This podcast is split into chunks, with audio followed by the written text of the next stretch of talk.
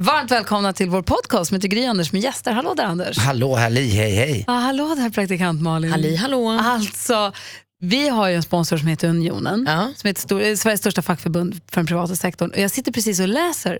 Man kan gå in på unionen.se och läsa om vad de kan hjälpa till med sånt. Och jag läser precis, jag hade ingen aning om det här. Visste ni att om man blir sjuk när man har semester, Sveriges semestertider är det här aktuellt, så har man enligt semesterlagen rätt att avbryta sin semester för att ta ut det sen, så kan man sjukskriva sig på semestern istället. Ja, men alltså, ja, det här måste du ha hört någon gång förut. Gry. Säg att, du, säg att du har 1800-talet. bokat en resa till Spanien och så åker du Ja. dit och så blir du sjuk. Alltså på riktigt om du blir magsjuk eller något. Så att du inte kan uppleva din semester. Då kan du få ta ut sjukdagar då och så sparar du de semesterdagarna till när du faktiskt kan uppskatta dem. Snällt hade, ingen, hade ingen aning om det här, att man kan sjukskriva sig på sin semester. Jo. Jag, har inte, jag vet inte varför, jag har bara inte tänkt på det tror jag. Tanken är liksom inte att man ska ligga hemma i en säng och ha feber utan man ska må gott och nyttja den och må bra. Ja, men verkligen, även om du ändå var hemma. Alltså, det- jag, för jag tänker mig att när man sjukskriver sig från jobbet, är det- då är det för att man inte kan komma till jobbet. Ja. Men nu är det för att du inte kan komma till din semester som du har rätt till. Precis. Vi, bo, vi bor i ett rätt härligt land. Hade ingen aning om det här. Nej, Ja, visste du det här? Nej, men ja, absolut, det visste jag och det är ju jäkligt bra att det här Men finns. du att, som eh, jobbar på restaurang också, Ja. förlåt nu att jag avbröt, men du Ja, som det jobbar på restaurang, om det är någon som har semester och så ringer de till dig och säger "Nej, jag är sjuk här, eller så här, ta, ta, gå ledigt i september och Men är, nej en men jag var sjuk i det är en somras. av rättigheterna man har. Det är därför, eh, som Malin sa, Sverige är ett ganska bra land och det Unionen hjälper till med det. Jag är i chock. Jag visste inte Hängslen och livrem, Jag Gry, känner det mig ska lite man ha. sjuk här nu känns det Verkligen, jag, jag lär mig. Mm. Unionen.se är tips för er som, om man vill ha koll på vad man har för rättigheter och också skyldigheter förstås, så kan man gå in där och läsa. Nu så ska vi öppna dörren och släppa in en, jag skulle säga kompis, gäst. Alltså Fredrik Wikingsson, vi har ju träffat honom rätt, hängt med honom rätt mycket här på radion. Malin, du har ju jobbat med honom, du har varit producent för han och Philips program Breaking News. Både breaking news och nu gammalt. Var du producent för? Ja, Ja, du ser. jag har jobbat mycket med dem och Fredrik tycker jag är väldigt mycket, det skulle jag verkligen säga en kompis. Jag tycker oerhört mycket om honom. Lite väl mycket kanske. Nej, precis lagom mycket skulle jag säga. Jag är svartis. Vi får se när han kommer in. Vår gemensamma favorit är duon Filip och Fredrik. Ja, faktiskt. Fredrik Nej, Wikingsson. Välkommen hit. Gry och Anders med gäster. Anders ska, för- han kom hem från Alperna i för, nej, från Rivieran i förrgår. och Ska nu. Hans ålderdom, om jag får kalla den det, vill jag också ha. Det är ingen ålderdom än, men du, fan vad du är ute alltså. Kul. Men du, du är en inspiration på riktigt. Du med. Nej, men vad fan. Men jag, jag har ju inte den rörelsefriheten riktigt än med... Ja, nu reser jag ju en del ändå. Vad menar du när du säger hans ålderdom? Tänker du då att Anders är som en gammal pensionär Nej, som nu här, lever livet så kan det bli med barnen utflugna, tänker jag. Ah. Eh, eller barnet då. Kan man skaffa fler? Så kan det bli mellan när ena barnet har flugit ut och innan man får nästa. Säger Ja, Fredrik precis. Wikingsson som bara sitter hemma hela dagarna och lever ett 9-5 Svensson-liv. Det finns väl ingen som reser så mycket som du? Jag vet, men det är ju alltid svinjobbigt. Han ser ut att ha det härligt på sina resor. Han klagade också i morse. Ja, lite grann. Det beror på. Man måste bara passa ihop allting. Och att Ja. man, men man måste hinna med sig själv också. Och Stockholm som just nu verkligen prunkar. Så att, man Stockholm kan hemma. brinna.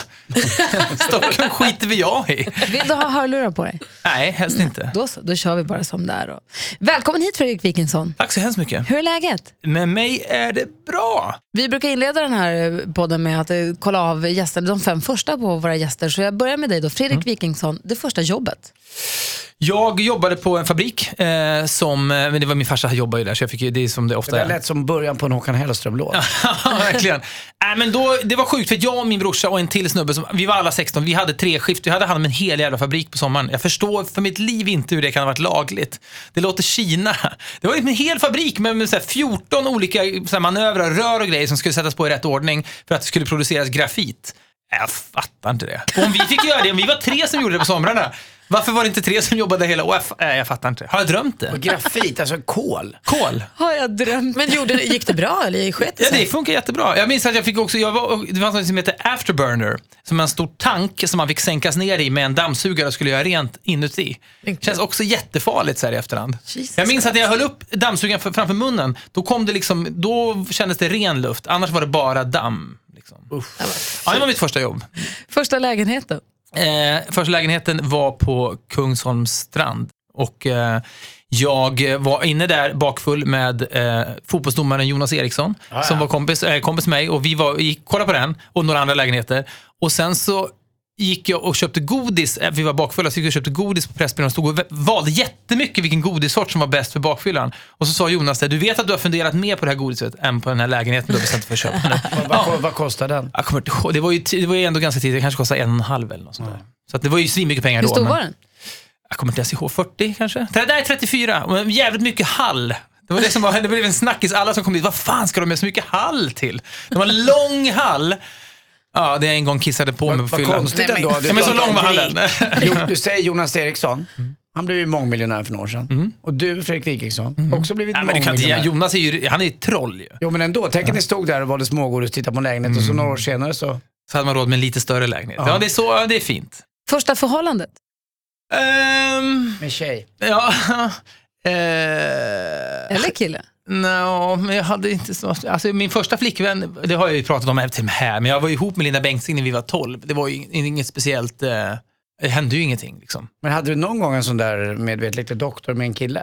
Ja, det gjorde Ja, jag. det gjorde jag det gjorde jag också. Det var, Ja. ju, eh, det var ju väldigt speciellt. Alltså. Visst var det det? det skulle man kunna prata mycket om. Det, det gör Låt mig... oss. Va? Låt oss. Nej, men det är också... Det är, jag menar, allt som skedde innan man var tio, det är nästan...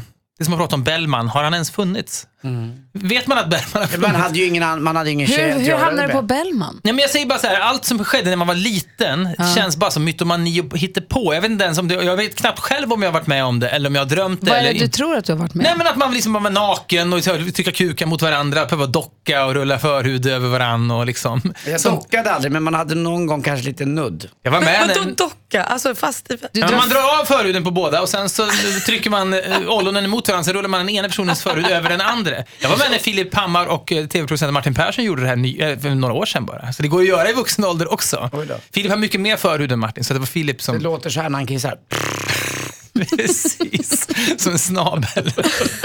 ja, men sånt gjorde man ju, det tror jag alla gjorde. Men jag vet inte om ni... Det roliga är att när jag frågar folk, det gör jag ganska ofta, eh, och det blir folk väldigt stressade. Och det är som att det farligaste och äckligaste som finns, det är någon homofobkänsla. Jag fattar inte varför. Men jag- jag du inte- är ju i alla fall ärlig här. Nej, men jag kommer ihåg att jag också hade, man ville pröva hur, hur det är att ha en kondom på sig. Så hade man, du vet när man var sju, då hade man inte ens tillgång till kondomer. De hade inte heller pass. Man hade, tog man plastpåse och trädde runt. Ja, du vet, man, det, det är väl bara sunt, sunt experimenterande antar jag. Eh, första sorgen? Jag tror jag blev väldigt, alltså, första då pratar vi. Eh, för jag var för ung när morfar dog och sen så senare så kom farfar och mormor och sådär. Men då var när min första katt dog, då var jag väldigt ledsen. För då hade vi ändå, jag var ju 20 då. Så att hela mitt liv hade han ju varit en del av det. Och så minns jag att han skulle skjutsas till veterinären och bli avlivad. Och då plötsligt, i, mötte, jag trodde att det redan hade skett, så jag var på väg hem från skolan, jag pluggade på Journalisthögskolan då tror jag. Och så möter jag farsan i bilen som har blivit försenad, så att då stannar han så, så får jag säga hej då en sista gång, som jag redan trodde jag hade gjort. Och då var han mycket piggare och liksom for, for omkring i bilen och så tänkte jag att vi borde rädda honom. Men farsan var ganska osentimental. Nej, vi har bokat tid. så att där, sen så... Så det tyckte jag var väldigt sorgligt. Hur handskades Ja, du men jag minns att jag satt och spelade gitarr hemma i mitt rum och spelade någon låt om och om igen. Och så bara för att liksom... Lille katt. Exakt. Men jag tror att jag spelade någon annan låt. Nej, men, eh, nej, men jag, det minns jag att det var en liten, ett litet moment. Men jag kan också kanske minnas att jag tänkte att nu har jag lite av ett moment här. Alltså förstå att det, Du man, man, betraktade det utifrån. Ja, men jag inte bara gjorde det för att jag, att jag var tvungen att det var som syre, utan att nu har jag gjort det här också. En erfarenhet rikare. Första bröllopet? Vad Fan, det var väl någon kompis då? Vilket intryck? Nej, fy fan. Har Alltså. Filip gift sig? Ja, han gifte sig efter mig, men eh, ja, det var väl kul. Ah, det var, fan, jag tycker bröllop är inte heller så kul. Det är som sommaren.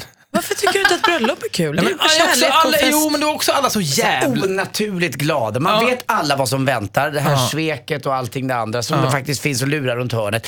Eh, det är så bara. Ja, men jag tycker det också, och så ska alla bli så jävla, och så är det ja, jobbiga tal. Eller bara, och alla är så här taggade och så, nu ska det hända och nu är det så mäktigt alltihopa. Jag och Filip var inne på många år sedan att vi skulle göra ett bröllopsprogram för att det, vi tänkte att det kanske finns stories kring ett bröllop. Att någon som är nervös innan, någon som tidigare varit ihop med bruden som inte har kommit över henne. Sen en och en halv månad innan vi började spela in det så sa vi, äh, vem fan bryr sig om lycka? Vi gör ett program om när folk ska göra slut istället, så vi vänder på en femöring. Vi ska in i mörkret istället, för det, det är intressant där åtminstone. Det, och det, ja, jag vet inte. Är du rädd för att vara lycklig? Nej, det, det tycker jag inte. Jag tycker, det är väl härligt som fan. Men är du oftare i lycka än i sorg? Är mycket oftare Eller lycka. mörker. Jag skulle säga är en jävligt solig person. Alltså. Eh, verkligen. Och Eh, eh, ehm, jag tror jag är ganska bra, bra så här, serotonin eller vad det nu heter. eh. Bra, bra tryck. Så länge inte fint väder och en kul fest så. Nej, men exakt. Så, så då händer det. Ja, men, Jag, jag, jag tror att jag, har- jag har fått lite mer svackor på sistone och, och det kan man börja bli lite orolig för vad det skulle kunna leda till om det blir fler. Svackor som i humör. Ja, men så här, eh, vissa skulle kalla det för mild depression, alla skulle, andra kallar det bara dåligt humör. Ja, det, var, det är väl en, en gränsdragning där. Men jag tror att stunden av lycka är konstant, men jag har fått lite mer så här, häromdagen, jag var så, jag var, jag var så jävla låg så jag liksom inte ens det var någon tv-gala som ordnas en gång per år som inte är Kristallen utan det är människor som är med bakom kameran som får priser och det är superrimligt att de upp, lyfts upp också. Riala-galan eller vad det? Ria-galan det. Ria-galan, Ja. inte Riala. Har aldrig varit på den, men så skulle jag gå i år då för att vi har bolag och alla i bolag skulle gå och sådär. Och sen hade jag bara en sån jävla dålig dag. Och sen så rullar jag in på jobbet, ah, då är förfesten igång på kontoret. Och så går jag in och så säger någon som jobbar där, "Ja, ska du gå på RIA-galan i år? Ja, tänker jag. Ja. Jaha. Ja, du brukar väl inte gå på den, men du ska gå i år alltså. Så hör jag mig liksom mig själv tänka, nej, det ska jag fan inte göra. Så jag smiter ut igen ur, för jag, liksom innan någon hinner se mig och så bara åker jag därifrån. Och Men så det, bara, det, det är väl inget bra från, de, du är väl ändå högsta chef? Det är väl Nej, inte högsta chefen. Jag är, jag är en av de som har startat det, men jag är inte chef. Liksom. Nej, men det var ju dåligt av mig, men jag kunde inte. Jag var Men helt... vadå, för att hon ifrågasätter nej, hen- nej, nej, nej, inte alls. Utan jag kände bara så här, jag vill ju inte det här. Alltså för att jag är på för dåligt humör. Det var säkert... Varför man är du humör deppad ska man, då? va? Varför är du deppad? Nej, men det var bara, någon sån här, det var bara ett, ett Men påslag. undrar jag är, är det för att, uh, man brukar säga det med ibland man blir som en sur gammal gubbe när man blir äldre. Men Mm. jag tror att det är tvärt, inte tvärt, att man blir sur gammal gubbe, men man bestämmer mer över sin egen tid och det kan uppfattas som lite surt. Mm, kanske. Jag, jag, jag bara vet att jag var hela kvällen jättedålig. Liksom så här, tungt att andas, typ. Och alltså, ja, men det, det får ju alla någon gång. Och sen nästa morgon är det borta, som tur är. Men då kan jag, man får ju ändå en inblick i människor som mår som jag mådde de timmarna bara. Anders har ju varit där Mm. under en längre period. Då tänkte du, som, för du är den enda i studion som vitt jag vet som har varit där. Mm. Hur, vad finns det som Fredrik ska, vad ska man tänka på om man är det Fredrik är? Ja, att tillåta sig att må dåligt och uh, kanske inte gå på den där RIA-galan till exempel, uh, utan lyssna på sina egna signaler. Det är väl en, en bra idé att tillåta sig att må lite dåligt. Uh, och, sen, och gå in i det, liksom, Ja, bejaka lite det. grann. Att, att ångest, det är också en del av livet, lika väl som lycka är det eh, och sorg är det också att en, en liten del. Sen är det förstås som Fredrik sa, att, att om man befinner sig där, ångesten hela tiden, det äter upp en. Jag förstår folk som ja, till slut mår så dåligt så att, och det är oftast män som det kallas för, det berättade min doktor för mig som jag gick hos, att det kallas för smiling suicide. Alltså det är män som lever ett fullt vanligt liv, man bara kämpar inombords så helt plötsligt går de upp på vinden och inte kommer ner igen utan de har gått och hängt sig. Varför nickar du Fredrik? Va? Varför nickar du? Nej, därför det, det, som jag, det som slog mig var den här tjejen som sa, ska du på RIA-galan? Eh, ja. Och sen måste hon ju undrat, för sen var jag ju bara borta. Hon var den enda som såg mig på jobbet. För alla andra satt, jag tittade ut genom något fönster, sitter alla på baksidan, vi har en liten så här gård där folk satt och drack bärs. Fan vad roligt alla har. Jag, jag, jag kommer inte ha så här kul. Jag smiter bara. Så hon var den enda som såg mig. Så jag, jag tänkte för mig, det här är ändå ett perfekt tillfälle att försvinna för all framtid. Så att liksom så här, men jag, jag frågade om han skulle på galan, sen försvann han. Eller var han ens här? Har jag drömt det här? Det kändes... eh, Sen är det också till allas lycka kan man tänka då. Jag vet att det är så lätt att säga, men det finns inte en depression som inte har gått över. Det är inte liksom, det är inte så hela tiden. Det håller på lite länge och man kan ju få hjälp att gå och prata om det. Men framförallt att man har, går och pratar med någon och vågar, vågar yt, liksom yppa det här. Det är viktigt. Din kompis Filip, han har ju varit i det där, han är ju den mörkare av er två upplever jag det som och stoltserar ju nästan, skryter lite med alla hans tuffa amerikanska tabletter som han äter. Lite töntigt kan jag tycka, men han är ju mer bevandrad på den sidan, eller? Ja, gud ja. Han har ju varit med i program om sånt där också. Eh, Så att han har ju blivit lite ansiktet utåt för det där. Fånigt.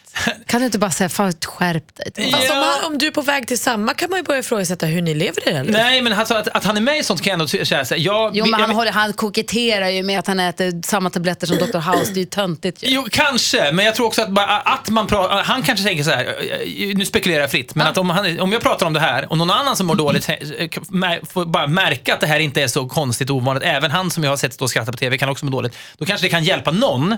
Eh, och sen kanske Filip tänker att för att sätta en roligare spin på det, för att inte bara sitta och vara glåmig, så kanske jag berättar någonting som är unikt för min erfarenhet. För det är, oftast är det jag som pratar om hur generösa de här kaliforniska eh, doktorerna är med att dela ut, testa nya mediciner på dem. För det är ju som, en, det är som att snurra liksom Bingolotto, eller så här, vad heter det, joker-siffrorna, så kommer det upp ett nytt piller. Ta- Testa det här den här veckan. Jävla tyck, jag har gått ner sju kilo på en vecka, hör man plötsligt. Så att, Det är en eh, jäkla skön vinst när man då kan leva utan de där tabletterna. Men som. Malin, det var en ganska relevant fråga också. Ja, men jag tänker att om ni nu båda, om Filip då, den svagare av Mm. er, blev drabbad av det här för mycket längre tid sedan och du nu också känner att det är ångest, så här, kan det vara så att ni kanske tar i Alltså det är, ni ska resa runt hela jorden för att hitta personer och ni ska göra film och ni ska vara i Sandviken där och ni ska ha barn där och ni ska bo på varsin del av världen i olika tidszoner. Ja. Gör ni det lite svårare för er än vad det faktiskt behöver vara? Ja, men det är ju krångligt för att han bor där också, såklart. Det hade varit lite enklare om han hade bott här. Men då skulle, han kan ju säga att det hade varit enklare om jag hade bott där. Ehm, Tänk om ni till och med, och på det till och med får tittarsiffror. Det verkar ju... nej, men en lätt ska det inte behöva bli. Lätt ska det inte. Nej, nej, nej. Det, det där klarar jag. Nej, men jag, nej, alltså jag, jag kanske, men jag vet ju inte vad, jag är ju liksom, här sitter jag nu och eh, eh, är 42 år gammal. Om jag hade valt ett annat liv och liksom pluggat kemi istället så kanske jag hade varit lika eh, alltså, olycklig. Jag är inte olycklig, men haft de här faserna också. Så det är svårt att veta. Jag har ju inte någonting att jämföra med. Men eh, har din fru någon gång sagt, vad heter din fru? Eh, Johanna. Så alla får lära sig. Ja. Eh, Har hon sagt till någon gång att nu räcker det? Ja, verkligen. Eh, Så, och då har det ju räckt ett tag. Alltså, mm, jag vet inte, men eh, vi har ju spelat in tre program av det här jorden runt nu i För vinter du, du och vet att det till slut kommer en, en dag när hon inte säger det längre, att hon säger bara, vet du vad, jag vill inte leva med det längre. Nej, men Ja, det är Anders, exakt så är det. så? Varningssignaler, tjejer, är- killar vi är så dåliga faktiskt oftast på att höra det här. Så vad han, du hörde ju att han sa för bara några minuter sedan att han redan har ångest och inte kan andas. Ja, men inte jag- det det här var här bara ett litet tips från coachen som har varit med nej, det men, visst, nej, men jag, vad fan, det är, som sagt, jag, jag har inte en enda gång pratat om det här och låtit vettig. För det är så här, det man säger är, ja det är för jävligt. Ja, kommer du förändra det då? Nej. Jag kan inte riktigt göra det, för det är också mitt jobb. Så att jag vet inte riktigt, och det har varit så länge. Ehm, om vi plötsligt skulle uppfinna ett format som blev en världssuccé som går ut på att jag bara är hemma, då kanske. Men Alltså ett tv-program. jag är väl något som har med ens jobb att göra. Måste Liksom. du hela tiden synas? Du är ju hemma rent ekonomiskt. Kan du inte bara säga, vad, vad skönt, nu räcker det. Nu ägnar jag mig åt familjen. Jo, det kan jag ju. Nej, men, vad- ska jag göra på dagarna? Ska jag ägna mig åt familjen på Ja, dagen? varför inte? Du har bara en familj. Ja, men och ett- de, de går i skolan på dagen. Ska jag hem vara med dem i Ja, skolan? men då? inte vet jag. Någonting åt det hållet i alla Ja. fall. Ska, vi, ska vi kanske Hur flytta många ut dagar var du pappaledig? Nej, men jag säger inte att, eh, att jag gjorde rätt. Jag gjorde också jättefel. Jag önskar om jag fick göra om det skulle jag göra. Det är därför jag säger det här. Jag önskar att jag hade varit mycket Men jag, ändå, jag var ju ordentligt pappaledig med båda barnen, så det är inte så att jag har varit ganska duktig på att få till det där. Om du är ett svin ändå någonstans. Ja, det, visst är det. Men vill tveklöst. du åt honom? Tvek, nej, men han har, han har rätt. Han har rätt. Så att jag, jag, jag har inget bra försvar på det här. Nu har ni jobbat stenhårt med att sälja in ert manus för ni ville få filmstöd för att få spela in en långfilm. Ja, nu måste vi också göra det manuset bra. Ja, men grattis till att ni fick igenom det. Ja, det är jättekul. Och så har ni fått Robert Gustafsson att nappa på huvudrollen, eller är det bara en tidningsgrej? Eller är det så? Nej, men det är, det är så, så, alltså så här, det är ju innan det är filmat, och det är ju filmas ju inte för nästa år, så kan ju han bryta ryggen eller någon av oss. Alltså, vi, vi, när man ger sig in i den här branschen har man lärt sig att säga vi hoppas att det blir så. Men han har ju varit otroligt fantastiskt bra i manus. Han har ju läst varenda version av manuset, vi har haft långa sittningar med honom. Han är ju, jag hade inte, hade inte koll på att han var så extremt engagerad i alla sina projekt. Och berätta om filmen för de som inte vet. Vad ska ni göra för Ja, film? det är en film om, den är based on a true story, den utspelar sig 1985 om en man som eh, bakade världens längsta smörgåstårta. Eh, Mums alltså. ja, jag hatar ju smörgåstårta också. Jag också. Det är så konstigt, det är så himla gott. Nej, men grejen var att Köping, som Filip kommer ifrån, hade utsetts eh, till Sveriges tråkigaste stad av Jan Guillou i TV. Och då blev ju Köping helt knäckt över det. För alla tittade ju, apropå tittarsiffror, men då tittar ju alla på alla program. Så det blev ju en grej då. Köping är en tråkig plats. Och det är inte så kul om man bor där. Och kanske vet med sig att det inte är världens roligaste plats. Men nu skrattar alla, alla åt oss då. Så att folk blev helt nedstämda. Men då var det en man då, som kallades för Hasse P, som var ganska nyinflyttad, som sa nu jävlar ska vi visa stockholmarna. Eh, och han, var ju, han hade liksom 12 förlovningar bakom sig, fyra skilsmässor, massa konkurser. Han hade inte lyckats med någonting riktigt, men det här skulle han lyckas med då. Vem kommer regissera er film? Vi! Ni själva? Ja, ja men det är klart, det är vår... vi Själv, har- helt själva? Eller kommer ni ha någon Vadå som hjälper? helt själva? Men kommer ni ha någon som håller ordning? Ja, men det, det, det, ja, vadå ordning? Jag håller väl jättebra Malin har ju ordning. jobbat med er på Breaking News, så du har ju lite koll på hur det är att jobba med Jag har väl ganska bra ordning. Jo, men ni, har också, ni är också två personer av väldigt mycket idéer. Ni kanske behöver någon som säger nu har vi tänkt klart, nu Men det gör finns ju vi. skripter och sånt där som säger så här, oh by the way, ni, ni kan ju inte ha en grön bakgrund här för den var ju rosa i förrgår. Så, sånt finns det ju folk som sköter. Fast det var inte det du menade Malin. Jag tror att du menade idéer hur filmen ska gå, vilket håll den ska åt. Nej, men jag tänker att så här, det, det, det jag upplevde när vi jobbade tillsammans Mm. var att det ni, det, egentligen jag upplever att så här, typ det enda ni behöver hjälp med, för idéer och sånt har ni ju. Det är ju någon som säger stopp, här går gränsen, nu får ni inte tänka mer och så får ni göra av det ni Ja, har. För då så. blir ni ju bra. Någon Det som pressar er ja, lite in Det i... finns Liksom, producenter för filmen som givetvis också säger så här, ja, jag förstår att ni vill ha en helikopter till den här scenen också, men det har vi inte råd med. Nej. Om ni har det, då får ni stryka eh, Då ringer kräftskivesekvensen. vi SF igen. Ja, exakt. Nej, så det, är- men det finns. Det Men finns. vilken utmaning ändå. Ja, det, ska, ja, det känns eh, svinroligt på så sätt ju. Men just nu känns det faktiskt också väldigt eh, jobbigt för jag tycker verkligen att manuset är så jävla dåligt. eh, fortfarande. Tycker, Tycker Filip det också? Ja, jag tror att jag tycker att det är sämst. Mm. Eh, ja, för Filip är lite, faktiskt lite mer solig. Men det där, han vet också att det där kommer vi få till. Och Jo, vad men nej, tycker- då måste vi ju fälla upp laptopen och börja skriva om för att det ska fås till. Så är det, den gör inte sig själv som Nej. Men vad tycker Robert Gustafsson som ändå har läst många manus? Nej, men han tycker nog att det är lika dåligt som jag tycker. Alltså, jag tror att han ser potentialen i det eh, och vet vad det kan bli. Och han tycker väldigt mycket om karaktären. Han kommer ju från Skövde. Han är, det här är ju en film om småstäder i Sverige och, och folk som liksom gör ett avtryck i sådana. Han har ju också sett de här personerna som sticker ut i en liten stad. Så den här karaktären, han vet, som han säger, jag vet hur den här karaktären fimpar sin sig. jag vet hur han går och sådär. Så att det, det känns jättekul att prata om. Får jag fråga en grej? Anders måste tyvärr pysa nu, men har du tid att sitta kvar lite grann? Jättegärna. För du ska till Grekland nu, Anders. Ja, jag ska ju till Cykladen eller vad det kallas. Hydra heter ön, en billös ö, eller bilfri ö. Hur tar man sig fram? Jag tror att man går med en ösna och då passar ju bra att lilla ösnan kommer. Det kommer en tvåbent åsna till åsnan. Jag tror att det är Hydra som, eh, jag tror att Leonard Cohen och Exakt, Göran Sonnevi Exakt satt där han och skrev sina låtar. Ja, och Göran Sonnevi, den svenska författaren, lärde känna honom på den ön på 60-talet. Jag Det- skulle vilja när jag går sen, om ni kan ställa en fråga från mig. Ja. Stämmer att han är lika smutsig och, eh, och snuskig eh, som det snackas om? Mm. Ja, jag vill bara höra det. Du ser inte snuskig ut. Du ser, jag måste bara säga det. Du ser så jäkla fräsch ut. Bra, tack. Ja, tack. Men vi ska gå in på min smuts alldeles För att vara så smutsig ser du fräsch ut. Ha det så fint nu. Hälsa familjen om du har något. Ja, för fan. Du hade en lägenhet och du inte bytte lakan på ett år. Ja. Och att du bara borstade bort hår och smulor och skräp och sånt. Och du har pratat om när du har bajsat, på, när du har bajsat och torkar med t-shirten och när du har kissat på dig. Och tandborsten Byt aldrig tandborste. Den Kissade spreta. på mig när jag en gång skulle få spruta hos tandläkaren. Det var så jävla... Men det är också för att jag tycker det finns något mänskligt i det. Jag Alltså, det är inte att att det... äcklig, det är ju bara att vara spruträdd.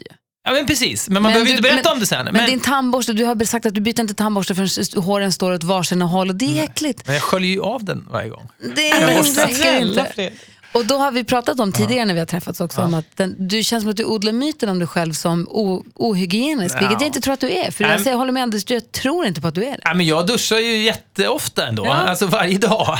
Jag kan inte lämna lägenheten utan att duscha för jag vaknar inte då. Så jag gör det ju jämt. Och i pollentider kan jag duscha liksom två gånger per dag, så jag är otroligt ren ju.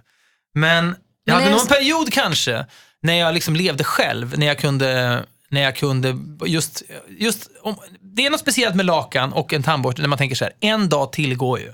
Det är väldigt det är så människor blir sinnessjuka också. För att de bor på gatan en natt och sen, ja, men en dag till kan jag bo här. Och sen har man bott där i 40 år. Alltså, jag, det var någonting med de där lakanen att liksom, ja, jag kan byta nu, men jag sov ju igår på dem, det gick bra. Alltså, man gör inte ens den mentala ekvationen i huvudet, utan man bara tänker så att det, nej, inte idag. Inte idag. Jag kommer ihåg jag skulle göra slut med någon tjej en gång och då sitter hon framför mig i sängen och vi kollar på någon dokumentär på tv om Sex Pistols minns jag. Och så säger jag, ska jag säga det nu? Nej. Ska jag säga det nu? Nej. Och så sa jag det inte alls. Alltså förstår? Att, att man, Nej. det är lätt att skjuta på saker. Och så lät du det bara rinna ut i sanden. Ja, men sen blev det tvunget att göra slut. Alltså. Jag men, ja, det var sorgligt. Men... Eh, Men varför berättar du om det då? Varför kan du inte bara göra Varför måste du Ja, säga men man, man du måste ju ha innehåll också. Det är som med er. Ni ska ju också berätta om saker och ting varje dag. Ni sitter ju varje dag och pratar i timmar. Ni behöver ju också ha innehåll. Ni berättar saker som... Vissa skulle säkert säga som lyssnar på er, varför berättar de om det där? Fast på ett härligt sätt då, för att eh, liksom... Jag vet ju att det blir... Om man börjar berätta om sånt, det är ju, dels kan jag tycka så här, vad fan, det är väl ingenting att, det är väl ingen fara att berätta om.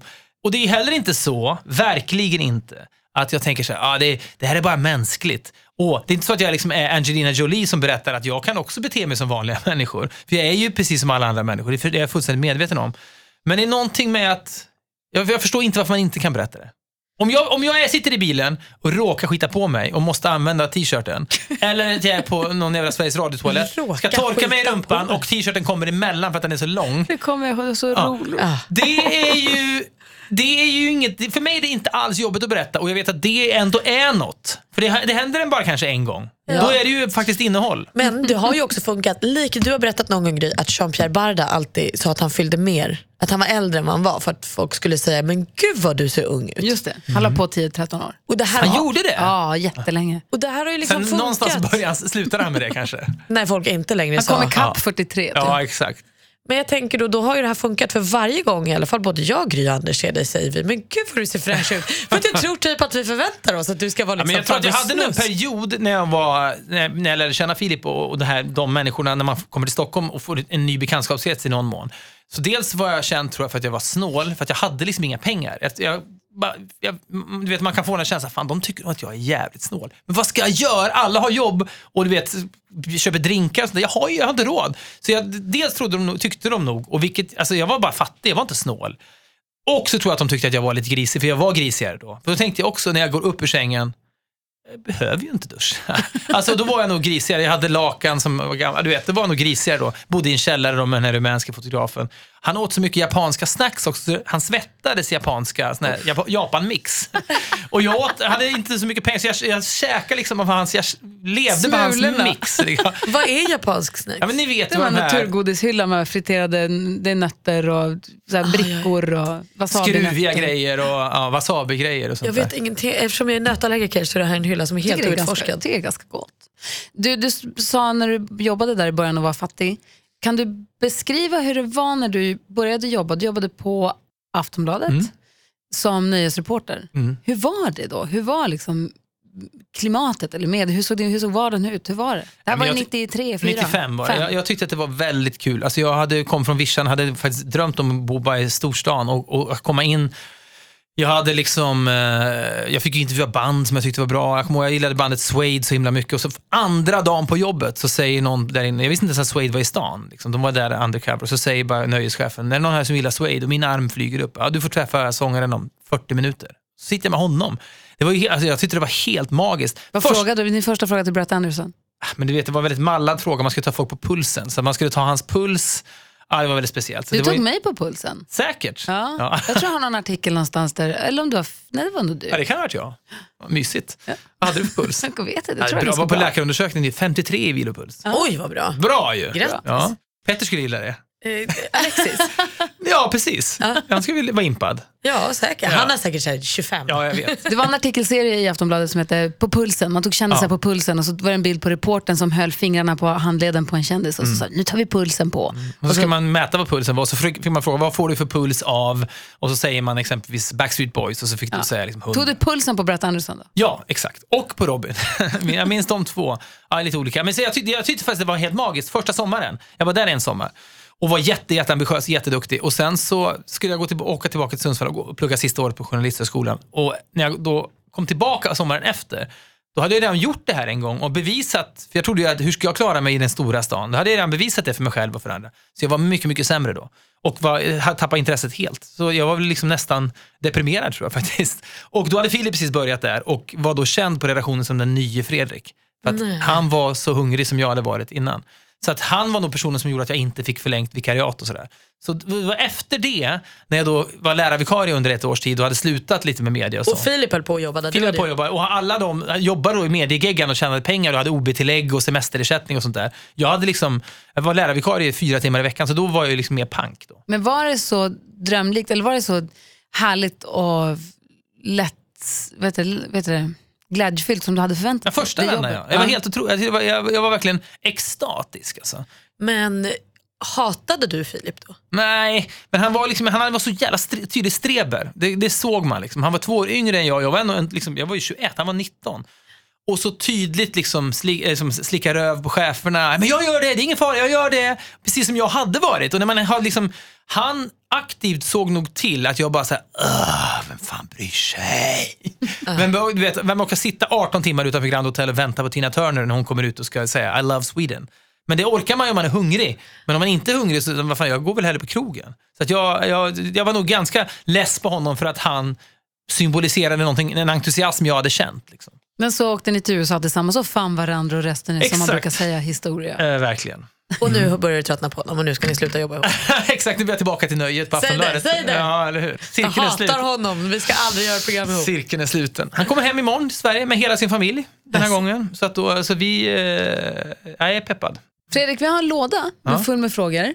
Frågan i lådan kallar vi den lustigt nog. Passande va? Ja, verkligen. Ja. Om man kan öppna den så får man svara på en.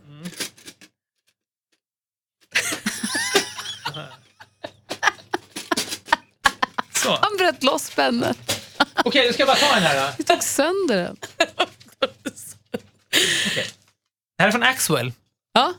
Gillar du det där bruna på laxen som är under skinnet? Att du gillar inget så förmodligen nej. Nej, det gör jag verkligen inte. Alltså. Men jag, fan vad jag äter mycket lax i mina dagar. Det var ju, det var ju ehm, mina föräldrar, alltid när det skulle vara lite finare så var det lax. Så jag har ätit så jävla mycket. Det var inte så att vi ofta hade finmiddag, men lax, det var jämt lax. Och så var det någon som berättade för mig att lax, för när jag växte upp var lax liksom höjden av lyx. Men på början på 1900-talet så var det sånt man gav till trälarna typ, för det fanns så mycket lax då.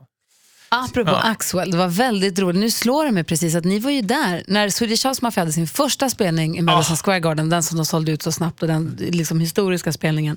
Så spelade sen alla tre på en efterfest på en jättestor i och för sig klubb också. Senare på natten spelade de en gång till fast ett, an- ett, annat, ett annat forum. Liksom. Mm. Och då kom du och Filip och några andra kompisar till. Ni hade varit på svensexa och spelat pingis. Och Jag kommer Alex höll på mecka och dona Jag på- kommer alltid älska din man för det. Jag tar upp det som ett exempel på något som måste vara svinjobbigt. Man ordnar liksom en sån här triumfatorisk Madison Square Garden-spelning. Och det är liksom peak av alltihopa. Allt är bara ett högtryck och vilken jävla succé och vilken framgång. Så är åtta snubbar som ingen vill ha på en efterfest där det bara det så var ju otroligt snygga människor. Det var ju väldigt modelligt och härligt på alla sätt. Och så kommer vi, från december var det tror jag. Så vi, vi rullar upp då mot Bowery Ballroom tror jag det hette. Och då står din man utanför och fryser med någon skjorta i den här decemberkylan, här sibiriska temperaturer och väntar på oss för att, för att släppa in oss där. Så jävla schysst. Det hade, han- han hade lätt kunnat säga det är fullt. Ingen hade ju sagt nej det kan det inte vara. Det kan inte vara fullt när Swedish House Mafia har efterfest. Så det var, nej, det var helt, eh, vi, ja, men, nej, men just när man pratar om så här beyond the call of duty, när det gäller att hjälpa till, så är det ett väldigt bra exempel. Väldigt tacksam. Jag blir nästan rörd när jag tänker på det. Hälsa honom detta. Det ska absolut Ja. göra. Det var en jäkla kul kväll i alla fall. Ja, men det var kul för det var då jag liksom upptäckte house. men det var så jävla, jävla coolt och bra var det.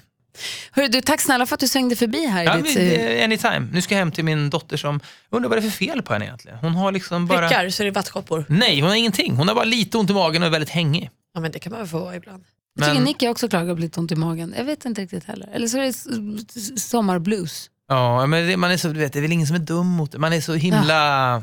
Man hoppas att de är ärliga, men det var, det var man ju inte heller själv jämt. Hon är väldigt eh, ömklig nu. Pappa läs för mig, men läs inte för högt. Nej, men. Läs inte för högt då Men då Fredrik. får jag- Kan du jag- dämpa Men jag- stämman? men jag har en Skrik inte. Jag har en jättebra stämma, ska jag läsa så här, ur den här boken bara? Så. Ja. Ja, det är på engelska, jag orkar inte. Hörru, tusen tack. Tack ska ni Ha ha. en härlig, härlig sommar. Detsamma. hörni. so long, Marianne. It's time that we began to laugh and cry and laugh about it all again.